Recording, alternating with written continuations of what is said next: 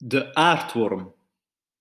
De aardworm die woonde onder de grond. Hij hield van de duisternis en de modder die daar heerste.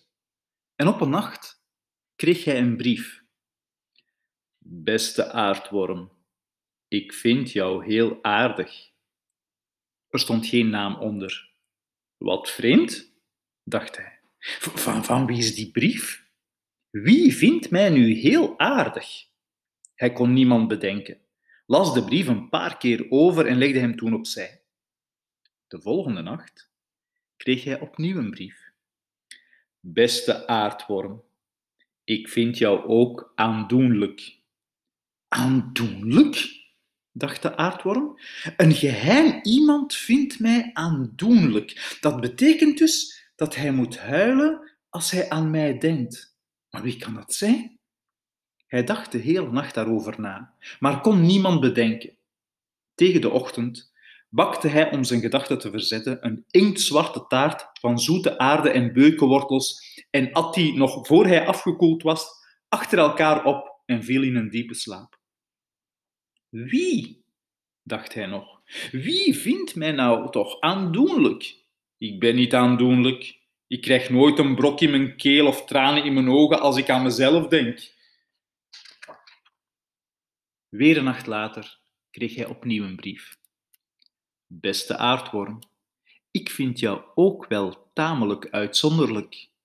Wat is dat nou weer? riep de aardworm en sprong op. Tamelijk uitzonderlijk, aandoenlijk, heel aardig.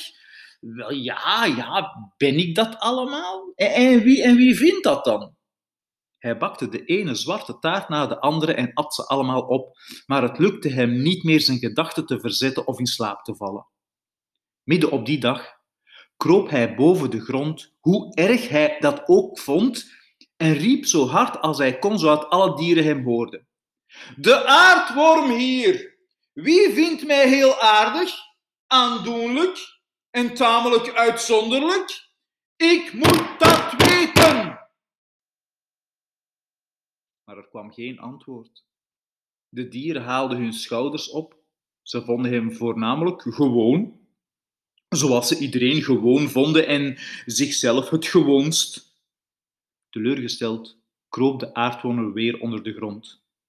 Die nacht wachtte hij vol spanning of iemand hem nog iets vond. Eigenwijs misschien, maar misschien ook dom, omdat ik niet kan raden wie dat allemaal vindt. Je weet het nooit, dacht hij. Er kwam geen brief en tegen de ochtend besloot hij bij zijn buurman, de mol, langs te gaan om hem de brieven te laten zien. Misschien had hij een idee. Hij klopte op zijn deur, maar er kwam geen antwoord. De aardworm duwde de deur open en zag de mol aan zijn tafel zitten. Hij schreef zo te zien een brief.